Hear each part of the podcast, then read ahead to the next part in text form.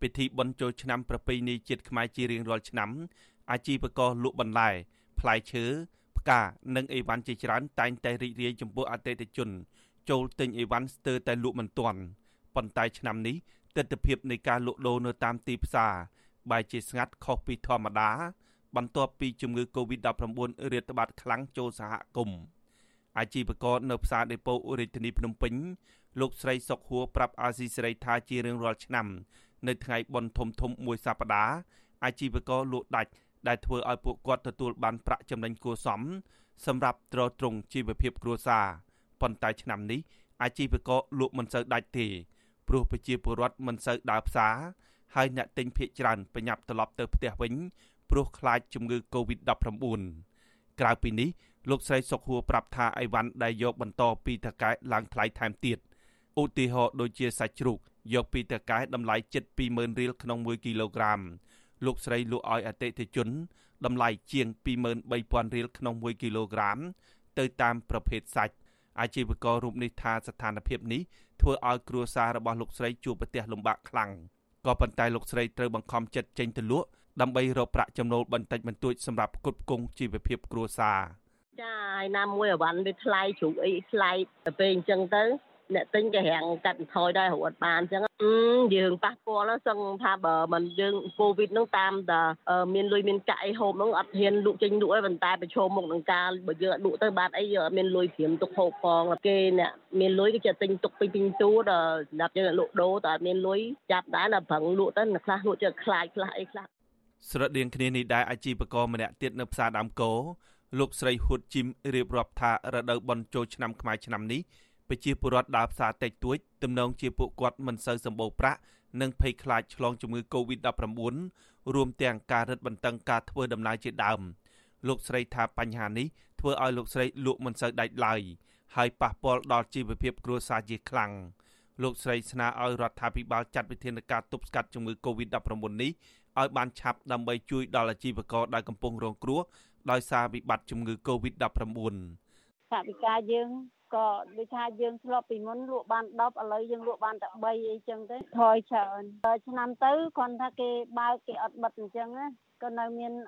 ភ្ញៀវខ្លះគាត់មកទិញមកអីចឹងហោហាយចឹងទៅដល់ឥឡូវហ្នឹងបិទក្រុងទាំងស្រុងអញ្ចឹងវាបាក់ដែរខ្លះគ្នាអត់ហ៊ានចេញលក់ទៅសងំនៅក្នុងផ្ទះទៅប្រៀបធៀបមួយ năm ទៅខុសគ្នាច្រើនដូចគ្នានេះដែរអាជីវករលក់គ្រឿងសមុទ្រនៅខេត្តព្រះសីហនុលោកស្រីអឹងឆៃលី ត្អូញត្អែថាចាប់តាំងពីអាជ្ញាធរបិទការធ្វើដំណើរឆ្លងកាត់ខេត្តដើម្បីទប់ស្កាត់ការរីករាលដាលនៃជំងឺ Covid-19 មកលោកស្រីបាត់បង់ប្រាក់ចំណូលស្ទើរតែទាំងស្រុងលោកស្រីថាពេលខ្លះលោកស្រីបង្ខំចិត្តលក់គ្រឿងសមុទ្រខាតដើម ដើម្បីទទួលបានប្រាក់មកវិញខ្លះគឺថាយើងធ្វើមិនជីវិតអ្នកក្របងតាមតាណាបើសិនជាទៅថ្ងៃណាគិតយើងគិតថ្ងៃហ្នឹងសំខាន់តែយើងត្រូវការលុយហើយយើងខ្វះខាត នៅក្នុងគ្រួសារហើយចេះយើងអត់ទៀតហើយគ្រួសារខ្ញុំគឺត្រូវតែខ្ញុំអ្នកទុំរងដល់ពេលយើងអត់ពីយើងអត់ហៅចឹងពីបបាអញ្ចឹងខ្ញុំត្រូវចេញបន្ថយរហូតឆ្នាំមុននោះរៀងគាត់បើដែរដល់ពេលឆ្នាំនេះគេបិទទៅបាត់អីអញ្ចឹងតាំងពីមុនថ្ងៃចូលឆ្នាំខ្មែរចាប់តាំងពីផ្ទុះព្រឹត្តិការណ៍សហគមន៍20កុម្ភៈ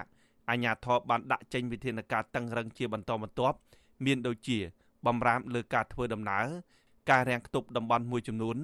និងដាក់បំរាមរៀបចំពិធីប្រមូលផ្ដុំមនុស្សច្រើនអ្នកជាដើមវិធានការទាំងនេះមិនមានការលើកលែងសម្រាប់ពិធីបុណ្យចូលឆ្នាំថ្មីនោះទេផ្ទុយទៅវិញអាជ្ញាធរបានលើកទឹកចិត្តដល់ប្រជាពលរដ្ឋទាំងអស់ឲ្យប្រារព្ធពិធីបុណ្យចូលឆ្នាំខ្មែរនៅតាមផ្ទះរៀងៗខ្លួន ដើម្បីការពារជំងឺ Covid-19 ជុំវិញការត្អូញត្អែរបស់អាជីវករនេះប្រធានក្រុមអ្នកនាំពាក្យរដ្ឋាភិបាលលោកផៃស៊ីផានថ្លែងថារដ្ឋាភិបាលកំពុងស្វាត់ស្វែង រោគវ៉ាក់សាំងប្រឆាំងជំងឺ Covid-19 ដើម្បីចាក់ជូនប្រជាពលរដ្ឋលោកថាទូនីតិរបស់រដ្ឋាភិបាលពេលនេះគឺសហការចូលរួមចាក់វ៉ាក់សាំង Covid-19 ដើម្បីគោរពសិទ្ធិរស់រានមានជីវិតរបស់អ្នកដទៃលោកអះអាងថារដ្ឋាភិបាលមិនបណ្ដោយឲ្យពលរដ្ឋខ្មែរដាច់បាយនោះទេទឹកភ្លើង អានឹងมันពិបាកណាស់បើខ្លួនឯងដឹងតែប្រើភ្លើងនឹងវាអស់លុយកុំប្រើច្រើនទៅមើលទឹកអញ្ចឹងណាបើខ្លួនឯងដឹងថាប្រើទឹកនឹងវាច្រើនវាអស់លុយកុំប្រើទៅក៏ប៉ុន្តែដោយឡែកអ្នកដែលកើតជំងឺទឹកភ្លើងនឹងគេអ្នកសម្រួលឲ្យតាវិធានគឺមានបើក្រគេមិនឲ្យយើងដាច់បាយស៊ីទេប៉ុន្តែយើងតាក់ទងណាតាក់ទងនៅមូលដ្ឋានប្រាប់តែខ្ញុំក្រអានេះគេយកអង្គទៅឲ្យហូបគេឲ្យលុយឲ្យអីហើយបើមិនយើងយើងជួបបញ្ហាក្នុងការបង់ថ្លៃផ្ទះ បង់ថ្លៃអីយើងតាក់ទងនឹងចាំដល់មានវិធានទៅហើយព្រោះបើថាឲ្យទៅបើកលុយយកលុយទៅឲ្យទាំងកញ្ចប់ទាំងកញ្ចប់មិនណាបាត់មានលុយណាទោះជាយ៉ាងនេះក្តីអ្នកខ្លំមើលការអភិវឌ្ឍសង្គមសង្កេតឃើញថាមកដល់ពេលនេះរដ្ឋាភិបាលមិនទាន់បានបង្ហាញអត្តសញ្ញាណណាមួយដែលអាចគ្រប់គ្រងស្ថានភាពរីករាលដាលនៃជំងឺនេះឲ្យបានច្បាស់លាស់នៅឡើយទេហើយពលរដ្ឋនៅតែរងផលប៉ះពាល់ផ្នែកជីវភាព អ្នកតាមដានការអភិវឌ្ឍសង្គម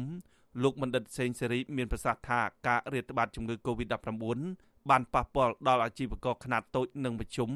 ជាពិសេសអ្នករត់ម៉ូតូឌុបអ្នករត់តុកតុកនិងអាជីវករជាដើមលោកមានប្រសាសន៍ថាប្រសិនបើអាជ្ញាធររឹតបន្តឹងឬរាំងខ្ទប់តំបន់ណាមួយ